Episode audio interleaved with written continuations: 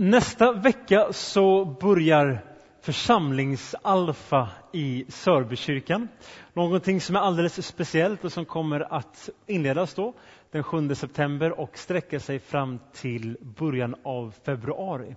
Och kommer inbegripa varannan söndag gudstjänst under den här tiden. Vad är alfa? Ja, Vanligtvis så är det en tio veckors grundkurs i kristen tro där man behandlar de stora frågorna som finns i livet. Vem är jag? Var kommer jag ifrån? Och vart är jag på väg? Och genom att utgångspunkt från olika ämnen i kristen tro besvara de tre frågorna som varje människa ställer sig, tror jag, vid åtminstone någon tidpunkt i livet. Det vi kommer göra är någonting som är lite speciellt. Vi kommer ha det vi har valt att kalla för församlingsalfa. Och det kommer vara lite annorlunda för att det kommer äga rum på gudstjänsttiden och inte vanligtvis som det brukar göra någon vardagskväll i veckan. Det kommer se ut så här att klockan 9.00 kommer det varje alfasöndag som är varannan söndag och det finns programblad ute på kyrktorget om exakta datum. Då kommer det vara frukost här klockan 9 för de som är med i det här alfa gudstjänstprojektet. Klockan 10 kommer det sedan vara gudstjänst som kommer att se lite annorlunda ut därför att predikningarna den gången kommer inte följa kyrkoåret utan de tio olika ämnen som finns i en alfakurs. Nästa vecka är det Vem är Jesus? Sen kommer Varför måste Jesus dö? Vi kommer att ha en gång som handlar om hur ska jag be och varför? Hur kan jag läsa Bibeln? Och varför ska jag göra det? Vad ska vi ha kyrkan till? Hur kan jag göra det bästa av resten av mitt liv? Vem är den helige Ande? Hur kan jag stå emot ondska som jag möter? Väldigt viktiga ämnen som jag tror är intressanta för varje människa. Och sen efter gudstjänsten så kommer det vara samtal i smågrupper. Då kommer man få en fikakorg, man kommer få vara med i samma samtalsgrupp under hela kursens gång och så kommer man att få sitta någonstans här i kyrkolokalen med olika samtalsledare. Kyrkan är öppen precis som den är idag.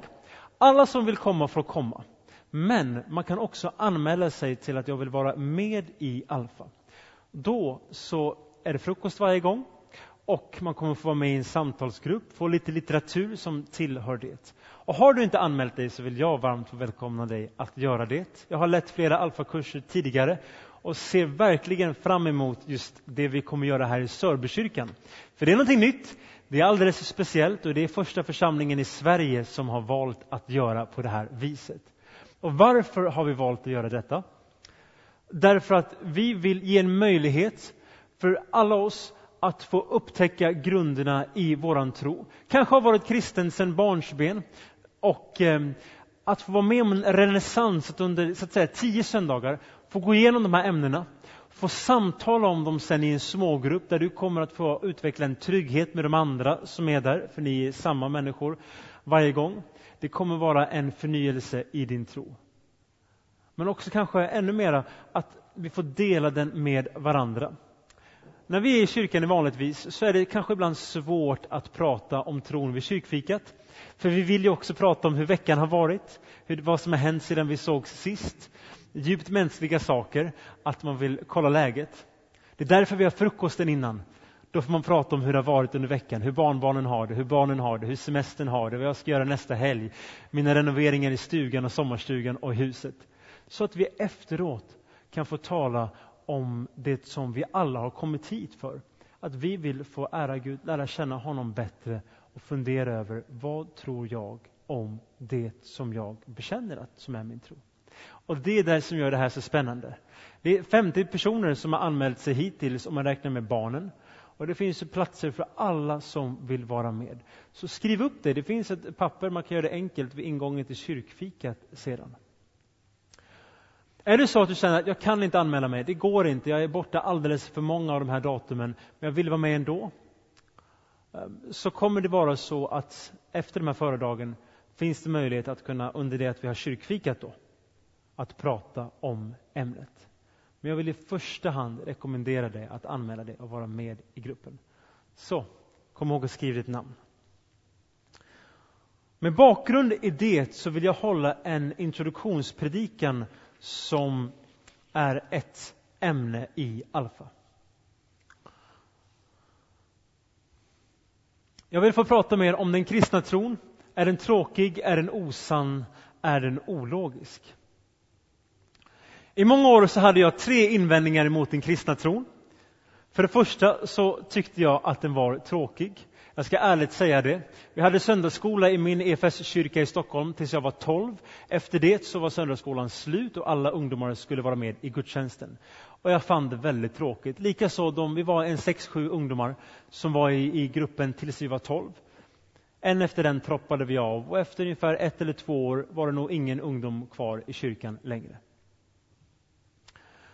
Och, och, så var det. Jag upplevde det förfärligt trist ibland att gå till kyrkan och gjorde det för att jag ändå ville vara snäll mot pappa. Sen fanns det ljuspunkter, sommarläger och så vidare. Men ser jag tillbaka på det här så skulle jag kunna hålla med om den person som en gång skrev följande sak i sin dagbok. Jag har varit i kyrkan idag och jag fann den inte deprimerande. Det var hans känsla kring det hela och jag måste nog säga att jag skulle ha hållit med. Mitt intryck var att den kristna tron var just tråkig. Den andra invändningen jag hade, det var att jag tvekade på om den var sann. Jag konfirmerade mig på Åkeregården, ett EFS-läger utanför Stockholm, tre och en halv fantastiska veckor.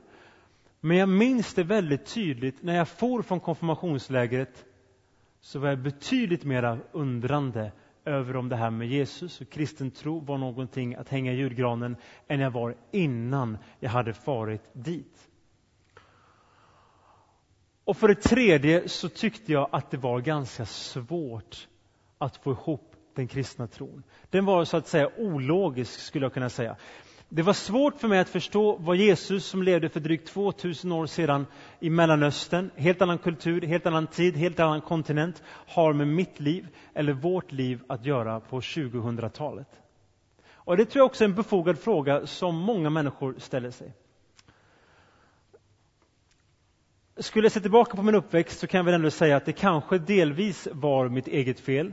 Gav jag tron någon chans? Ja, slutligen gjorde jag ju det, för jag står ju här framför er idag och blev en bekännande kristen igen.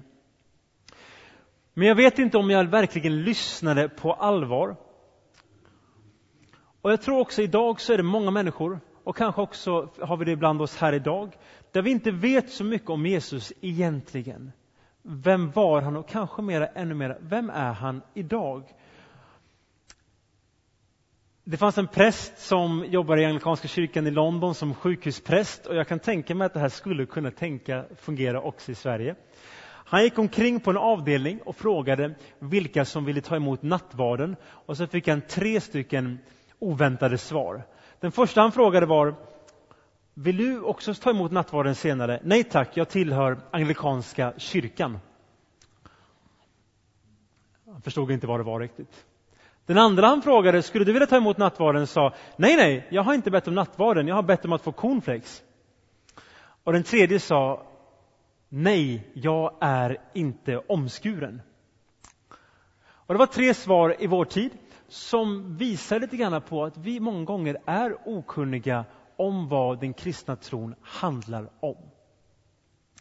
Jag vill påstå följande att kristen tro är allt annat än tråkigt, den är allt annat, allt annat än osann och den är allt annat än ologisk. Tvärtom, den är värt att lägga hela sitt liv i.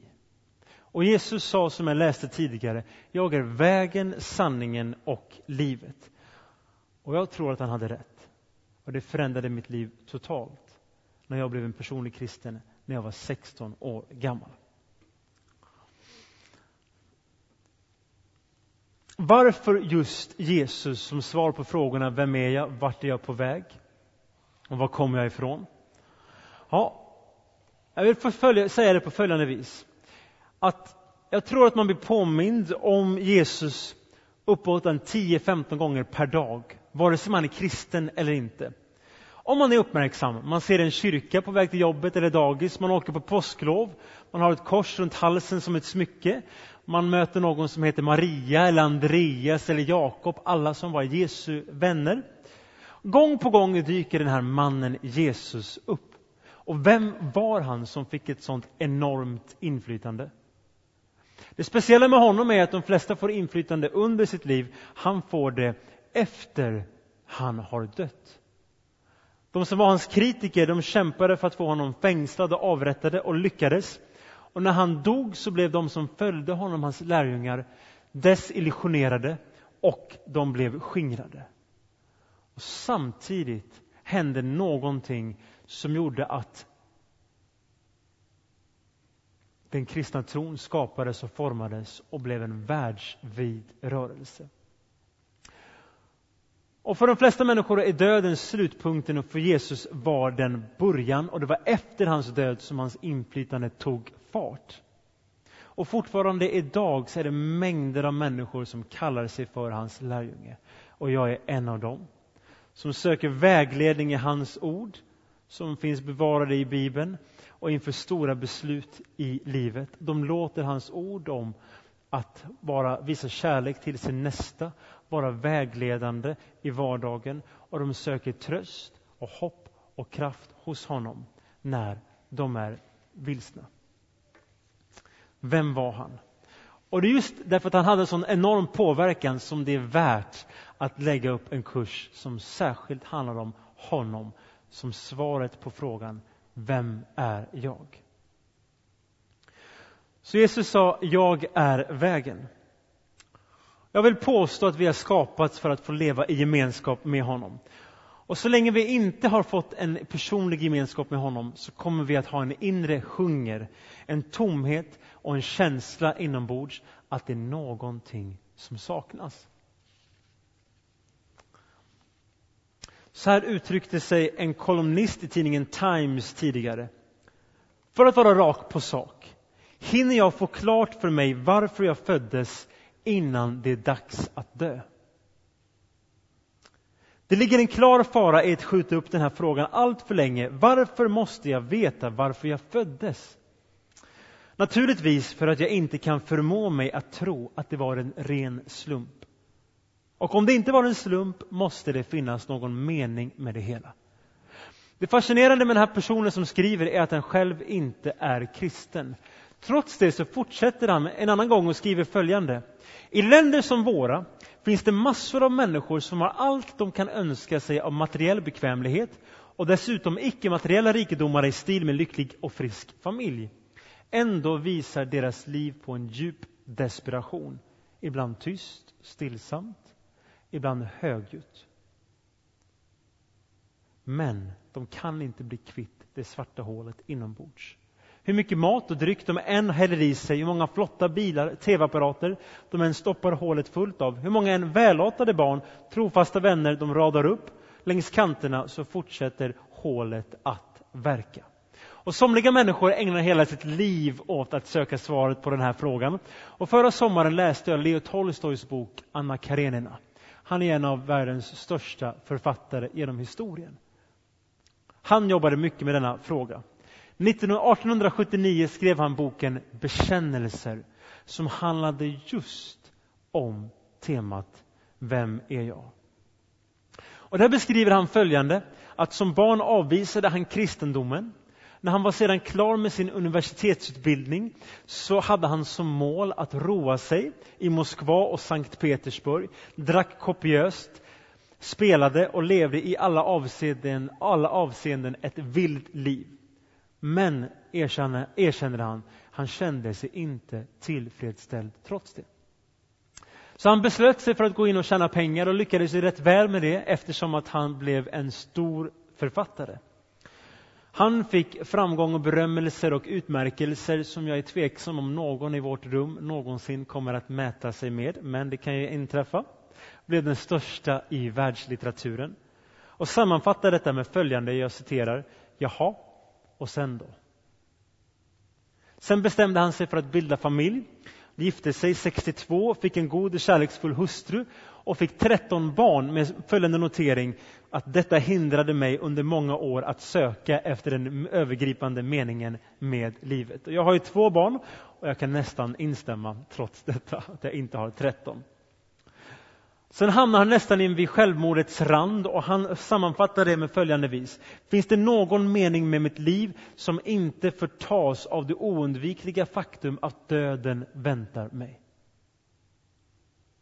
Och han sökte inom vetenskap och filosofin och fann svaret på gåtan.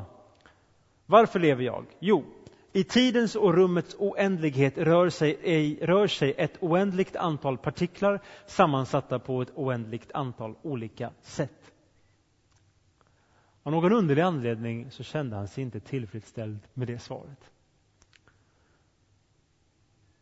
Så småningom upptäckte han att den enkla landsortsbefolkningen i Ryssland de hade funnit svaret på den frågan han, han sökte efter. Och de fann den i sin kristna tro. Och han kom till egen insikt att det bara är hos Jesus Kristus som svaret för mitt liv går att finna. Jag tror väldigt lite har förändrats 2014. En väldigt känd sångare i rockgruppen Queen som dog 91 han skrev så här och var då en av världens mest kända, i alla fall i västvärlden. Man kan äga allt som går att få här i världen och ändå vara den ensammaste människan på jorden. Det är den mest smärtsamma typen av ensamhet. Min framgång har gjort mig till idol, gett mig miljontals pund, men samtidigt har det hindrat mig från att finna det enda som jag söker efter. En kärleksfull och stabil relation. Är det inte så att en kärleksfull och stabil relation är det vi alla vill ha? Det stora problemet är bara det att även om vi har goda vänner eller en trofast make eller make vid vår sida så finns det ingen relation som ger den fullständiga tillfredsställelsen eller som är helt och hållet stabil. Om inget annat så kommer vi ändå att ryckas ifrån vår älskade av döden. Det kommer alltid finnas brister, någonting som saknas. Och det beror på, vill jag hävda, att du och jag, alla människor är skapade att få leva i en personlig relation med Gud. Och ingen människa, ingen tv-apparat, ingen inkomst kan ta den platsen. Och Jesus sa, jag är vägen. Han påstod sig vara vägen som leder till en relation med Gud. För en fem, tio år sedan, fem år sedan, så kom ju HD-tv-apparaterna, eller plasmaskärmarna. Och den som har tittat på tv med en sådan skärm, vilket en väldigt stor del av befolkningen idag har gjort, blir lite smått irriterade när de tittar på den tvn som var alldeles perfekt duglig fram till för tio år sedan. Så ser de att bilden är inte lika skarp, det är inte lika tydlig text, man följer inte med lika bra i bilden. Har man upptäckt någonting bättre är det svårt att med glädje gå tillbaka till någonting annat. Och så är det att bli en kristen. Har man fått upptäcka vad det är att ha en relation med Jesus och att då finna frid hos honom, då blir ett liv utan honom inte alls detsamma igen. Så Jesus sa att han är vägen, men han sa också att han är sanningen. Ibland säger folk, jag har hört det här själv till mig, att det spelar ingen roll vad vi tror på, bara man är övertygad. Nu är det val snart. Man kan ju fundera på, har alla, är alla val lika bra? Spelar det ingen roll vad man tror på? Ett tydligt exempel är ju Adolf Hitler. Att följa honom lät ju som en väldigt bra idé. Slutade i katastrof, trots goda intentioner. Och vår tro påverkar hur vi lever och hur vi beter oss. Och som kristen har jag också fått höra följande kommentar. Det är säkert bra för dig, men mig passar det inte. Och det är väl en inställning som är allt annat än logisk. Fascinerande tycker jag med att samhället i övrigt ska vara så naturvetenskapligt. För det är väl så att om kristendomen är sann så är det ju av allra största intresse och vikt att varje människa, också du och jag, får upptäcka det. Är den falsk så vore det ju väldigt behövligt för mig att få bli räddad ifrån den villfarelsen. Så frågan är då, är den sann? Ja. Det är en fråga som vi kommer att ta upp betydligt mer framöver i kursen som kommer att börja nästa vecka med församlingsalfa. Och smågruppssamtalen kommer att handla bland annat om det. Men jag vill också samtidigt säga att det finns någonting utöver att intellektuellt så att säga acceptera att kristendomen är sann. Det är att vi också kan få lära känna Jesus Kristus som är sanningen. Att bli kristen är inte bara att bli övertygad, det är också att få bli vunnen av honom. Jag vill ge ett exempel. Min hustru är ju inte här inne nu, hon är ute med barnen. Och, och ponera att det hade funnits en bok om henne för sju år sedan då, innan jag träffade henne. Åt, ni, ni, ja, just det. Nio år innan jag träffade henne. Som hette Världens bästa person, Sara. På bestsellerlistan. Jag hade köpt den och läst den, hade jag säkert funnit henne vara en väldigt fantastisk person. Hade fått upptäcka hennes starka sidor och eh, fått lära känna att hon är en underbar människa. Tänk att få leva med henne. Jag måste ändå säga att om än jag hade blivit så att säga, intellektuellt överbevisad om att hon var en bra person att slå sina påsar ihop med och dela sitt liv, så kan jag säga någonting helt annorlunda nu efter att ha varit gift med henne sedan 2008. Hon är en fantastisk person att leva med. Och det är också det som kursen Alfa handlar om och kristen tro handlar om. Följande, att som person få säga att jag vet att Jesus Kristus är sanningen. Inte bara intellektuellt kunskapsmässigt, utan att få också ha upplevt, erfarit det i vårt inre. Det är därför kursen också innehåller en församlingshelg i januari då vi far iväg och talar om den helige Ande som är Gud, Jesus Kristus, med oss. Hur kan vi lära känna den helige Ande? Vad vill han göra i mitt liv och hur tar jag emot honom? Jesus sa också att jag är livet. Jag vill få påstå att i Jesus Kristus finns det liv där det har tidigare funnits skuld, beroende och fruktan och där kanske döden har varit enda framtidsutsikten. Det finns en person som jag, eh, om jag minns rätt, har besökt Sörbykyrkan tidigare och är känd på många håll i Sverige. Och det är Elise. I år är det 20 år sedan hon fick ett nytt liv. Och hon säger att det är det enda som räknas. Att hon är 77 år är det ändå ingen som tror på. För hon är så aktiv i sitt liv. Elise säger tre saker har förändrat henne till den hon är idag. Det första var att hon fick nåd att ta emot Jesus. Det andra var att hon kunde förlåta dem som gjort henne illa. Och det tredje var att hon blev helad ifrån en långt gången cancer. För er som har läst en bok om henne, kanske sett henne på tv eller hört henne i, i IRL, in, in real life, så vet ni att hon har en totalt osminkad berättelse om sin barndom. Den är nästan till outhärdlig att lyssna till. Jag hörde henne tidigare i våras då hon berättar om hur hon från förskoleåldern och uppåt får upplevelser som ingen människa ska behöva genomlida. Incest, elakhet, mobbning, traumatiska minnen som är hemskt att bara lyssna till. Och hon säger själv, jag fick aldrig lära känna kärlek som barn. Jag blev aldrig sedd, fick aldrig en kram, fick alltid höra att jag var ful och dum. Mina föräldrar skilde sig när jag var tio, min mor gifte om sig med en alkoholist. När jag var 14 orkade jag inte vara hemma längre utan rymde. Hennes livsberättelse är dramatisk, men det är ett tydligt exempel på hur en person kan gå ifrån skuld och beroende och nedtryckthet till att få ett nytt liv. Vägen, sanningen och livet.